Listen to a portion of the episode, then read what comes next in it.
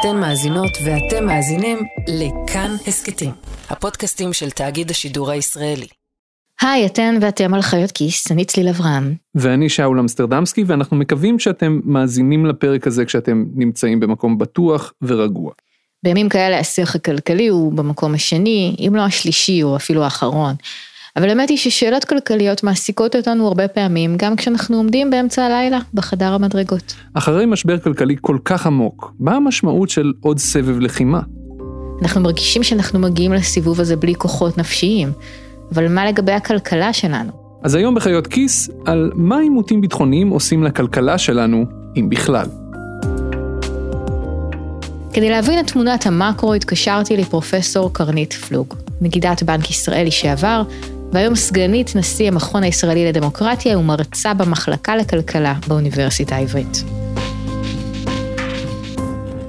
המשתנה הכי חשוב כדי לדעת מה תהיה ההשפעה של הסיבוב הזה על הכלכלה הישראלית, הוא משתנה שלא ידעו לנו בכלל. כמה זמן זה יימשך? יש לנו אפיזודות אה, קודמות של אירועים ביטחוניים שאנחנו יכולים אה, על בסיסן לעשות איזה שהן הערכות ולתת תרחישים.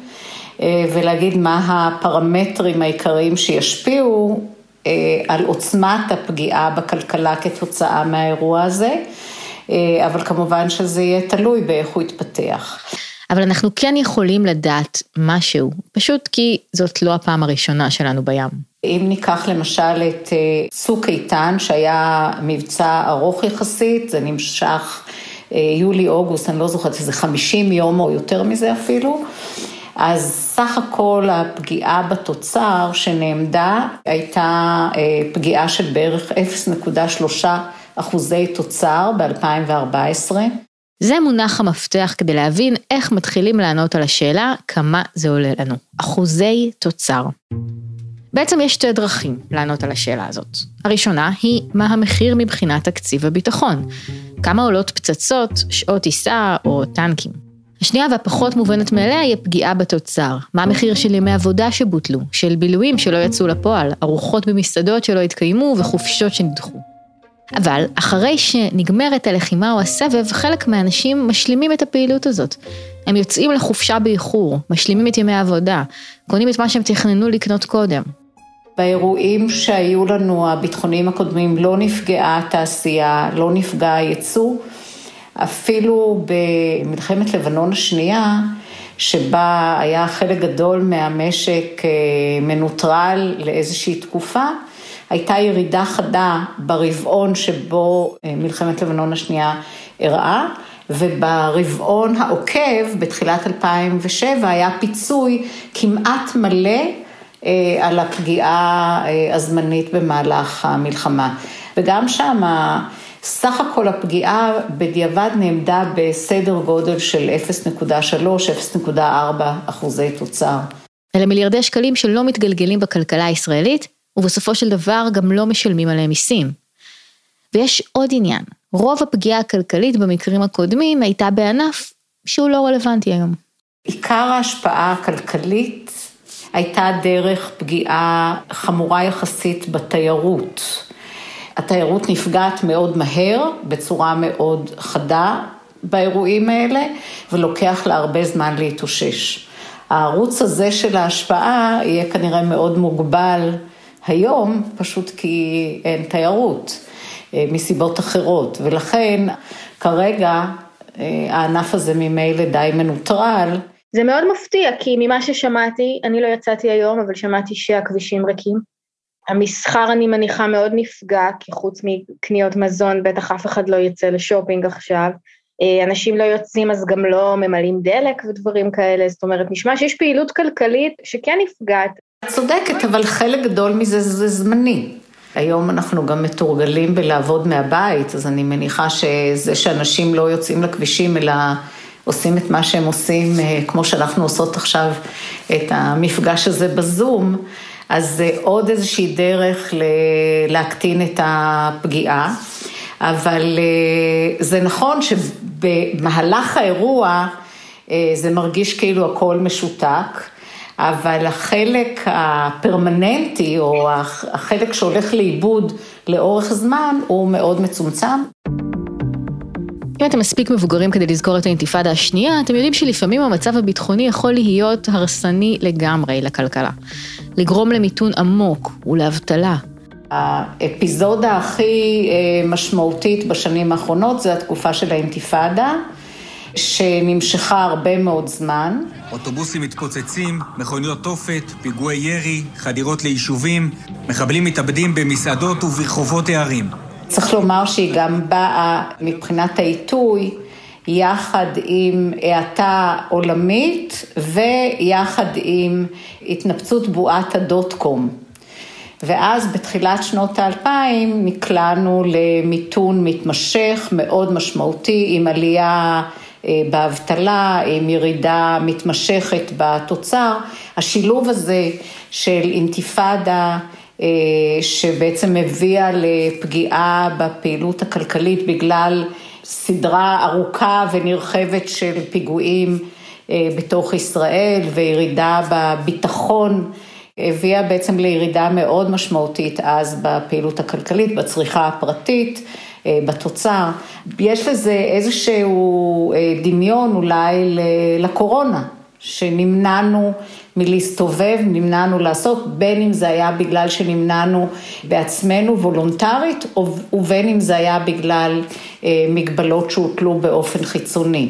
אבל החשש שמביא לכך שמוותרים על הרבה מאוד פעילויות פנאי לאורך תקופה ארוכה, בא לידי ביטוי בירידה אה, משמעותית בפעילות. צריך להבין שהצריכה הפרטית ובתוך זה צריכת השירותים היא חלק מאוד גדול מהפעילות הכלכלית. אז כשזה נפגע, אז יש פגיעה משמעותית בכלכלה.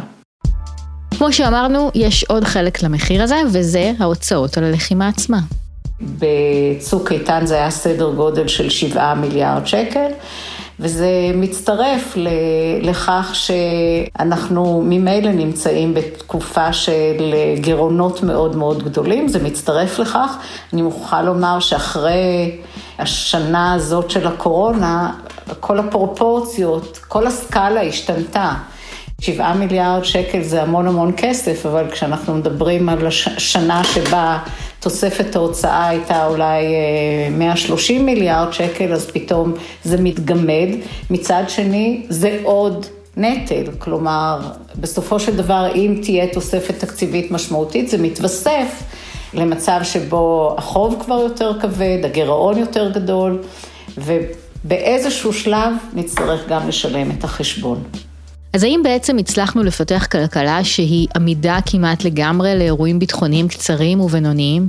יכול להיות שלכל מה שקורה עכשיו אין שום השפעה על הכלכלה שלנו? אני חושבת שאנחנו יכולים להכיל אה, אירועים כאלה בלי השפעה, קצ... או עם השפעה קצרת טווח שהיא יחסית מתונה. אני חושבת שחלק מה...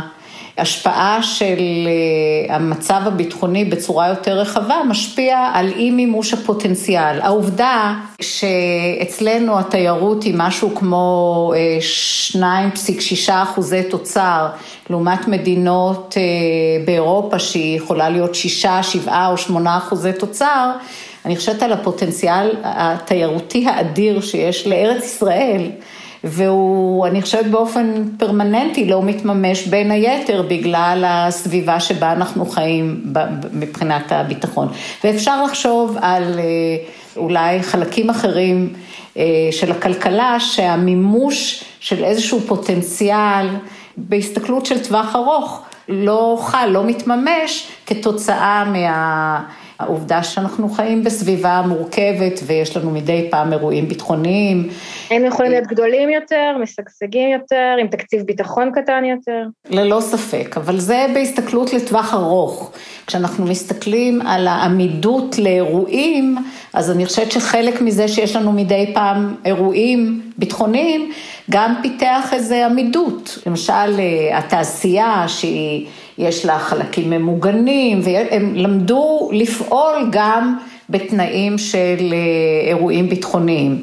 אז זה, זה הצד החיובי, אבל צריך להבין שאנחנו משקיעים לא מעט בפיתוח הרזיליאנס הזה. זאת אומרת, העובדה שאנחנו צריכים לבנות ממ"ד ולייצר את כל תהליכי העבודה האלה שהם עמידים, כן, הם משרתים אותנו בזה שהם, שאנחנו הופכים יותר עמידים, אבל אנחנו משקיעים המון אה, בתקציב הביטחון ובכל מיני השקעות משלימות כדי לייצר את אותו רזיליאנס, את אותה עמידות. ההשפעות האלה על הטווח הארוך הן עצומות ומרחיקות לכת. פרופסור יוסף זעירה מהאוניברסיטה העברית מחשב בספרו כלכלת ישראל כמה כסף עולה לכלכלה הישראלית הסכסוך כולו. כמה השקעות זרות לא מגיעות לפה בגלל הסכנה שתפרוץ מלחמה וההשקעה תרד לטמיון. כמה שווה הנדל"ן של הצבא, כמה עולה לבנות ממ"ד בכל דירה, כמה עולים שירותי אבטחה, אפילו כמה כסף אנחנו לא מרוויחים כי אנחנו עושים צבא ומתחילים את הקריירה שלנו מאוחר יותר. ועוד עלויות עד הקטנות ביותר. בסופו של דבר, זעירה מגיע לנתון של 20% מהתוצר. 142 מיליארד שקלים בשנה, שהיו נוספים לכלכלה הישראלית אם היה שלום. עוד 20% להכנסה השנתית של כל אחד מאיתנו. המחקר הזה וראיון עם זעירה מופיעים בפרק 80 של חיות כיס, שנקרא מחיר הסכסוך.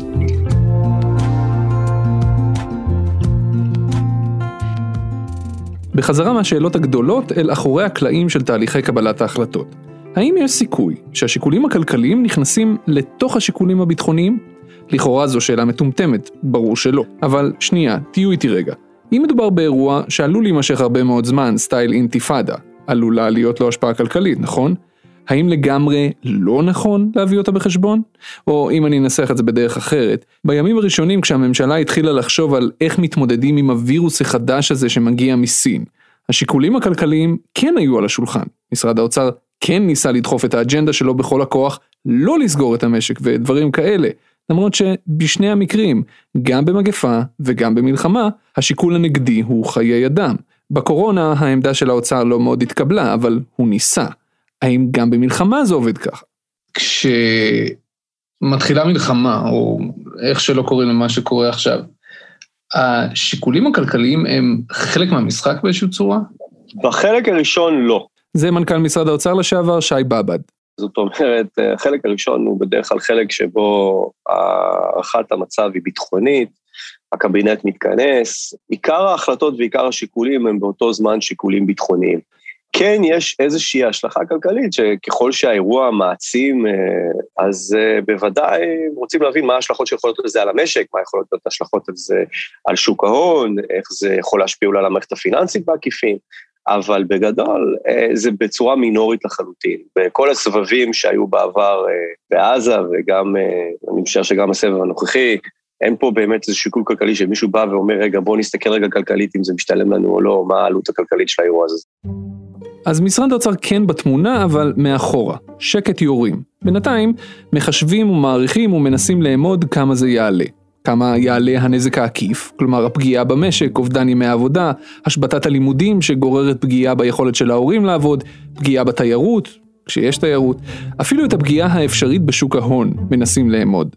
ההיסטוריה של הבורסה שלנו מלמדת שהיא הרבה יותר מושפעת ממה שקורה בבורסה האמריקאית, כל עוד מדובר במלחמה בהיקף מוגבל.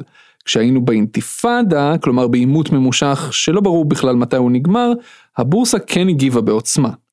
לא יודע אם אתם זוכרים את הלינץ' ברמאללה באינתיפאדה השנייה, אני זוכר היטב, הייתי בצבא לא רחוק, זה היה באוקטובר 2000. פלסטינים ביצעו לינץ' אכזרי בשני חיילי מילואים ישראלים שנכנסו בטעות לשטחי הרשות הפלסטינית. הבורסה בתל אביב נפלה באותו יום ב-8%. ובאופן כללי, מתחילת האינתיפאדה השנייה בספטמבר 2000 ועד לתחילת 2003, ששם מקובל לחשב את סוף האינתיפאדה, מדד 25 החברות הגדולות בתל אביב ירד ב-40%. זה המון. מלבד העלות העקיפה, לאירועים האלה תמיד יש גם עלות ישירה, כלומר, כמה עולה הלחימה עצמה. ולחישוב הזה יש משמעות לא רק בטווח המיידי, אלא גם בטווח היותר ארוך, בטח אחרי שנה כמו זו שהייתה לנו. עכשיו, דרך אגב, אנחנו במצב הרבה יותר גרוע, כי יש לנו סדר גודל של 150 מיליארד שקל, שצריך לטפל בהם לאור משבר הקורונה, שזה בערך אה, כמו סדר גודל של 15 סבבים כאלה בעזה, לפי העלויות שהיו בעבר. החישובים לא נגמרים פה. ככל שהאירועים הביטחוניים נמשכים, גם גופים שמשקיעים בישראל יתחילו לחשוב על זה פעמיים. קרנות השקעה, חברות רב-לאומיות, בבד אומר שזה לא משהו שקורה ביום, אבל אם חלילה האירועים האלה יימשכו זמן רב, משהו שדומה לאינתיפאדה, ההשקעות הזרות במשק הישראלי עלולות לדעוך. זה מה שקרה בתחילת שנות האלפיים. ולכו תדעו, אולי זה אפילו ישפיע על הסכמי השלום האחרונים שחתמנו עליהם. קח בחשבון רק עכשיו, ההסכם עם האמירויות. אני לא יודע אם, ואני מקווה שאני לא, אתה יודע, אה, נביא זעם פה עכשיו, אני לא בטוח עכשיו שבאמירויות לא יושבים פה, מסתכלים מה קורה פה.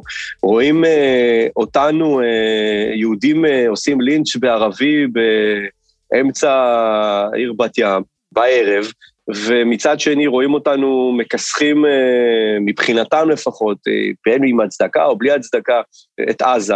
בכמות של הפגזות ובכמות של אה, פעילות אווירית אה, אה, מטורפת, ואז תשאל את עצמך רק ההסכם שנחתם עכשיו, מה, כמה זמן זה יכול להחזיק מעמד, מה הם יעשו, איך הם יתנהלו באירוע הזה.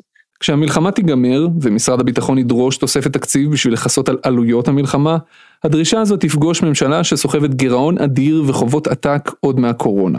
בשנים רגילות אפשר היה להחליק את זה. בשנה כמו זו, העלות הזאת תכביד עוד יותר על הממשלה.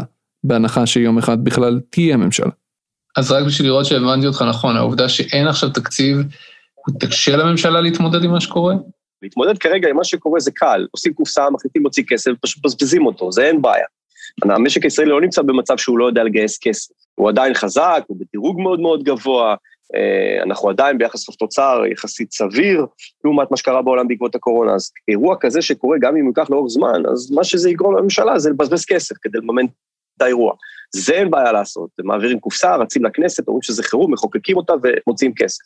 זה גם דרך אגב קרה בקורונה, תפקדנו בקורונה ואני חושב שבצורה שזה לא היה טוב ולא נכון ולא בריא לעשות את זה ככה, אבל העברנו תוכניות סיוע למשק של עשרות אה, מיליארדי שקלים, בתקופה שלי זה עוד הגיע ל-100 מיליארד, ואחר כך הכפילו את זה ל-200 או 220 מיליארד שקל, שרק לסבר את האוזן, 400 מיליארד שקל זה בערך תקציב המדינה, חצי מתקציב המדינה השנתי, העברנו בסוג של קופסאות בכנסת, אה, בחקיקת שלוף מהרגע להרגע כדי לטפל בבעיה.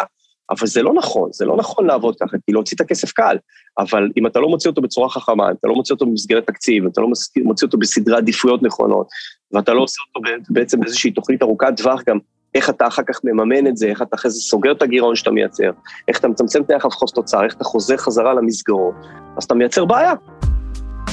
ברור שאפשר לפתור את הבעיה הזאת, אבל אם היית עובד חכם, אז הבעיה כנראה הייתה פחות גרועה ופחות גדולה ממה שהיא, ממה שהיא כרגע, והיה לך יותר קל לפתור אותה ויותר קל לצאת ממנה. וזה גם נכון לאירוע כרגע. זהו, אנחנו היינו חיות כיס, מקווים שהצלחנו לעשות טיפ-טיפה סדר כלכלי בערמות של הבלגן. נהיה פה שוב ברביעי הבא עם פרק חדש.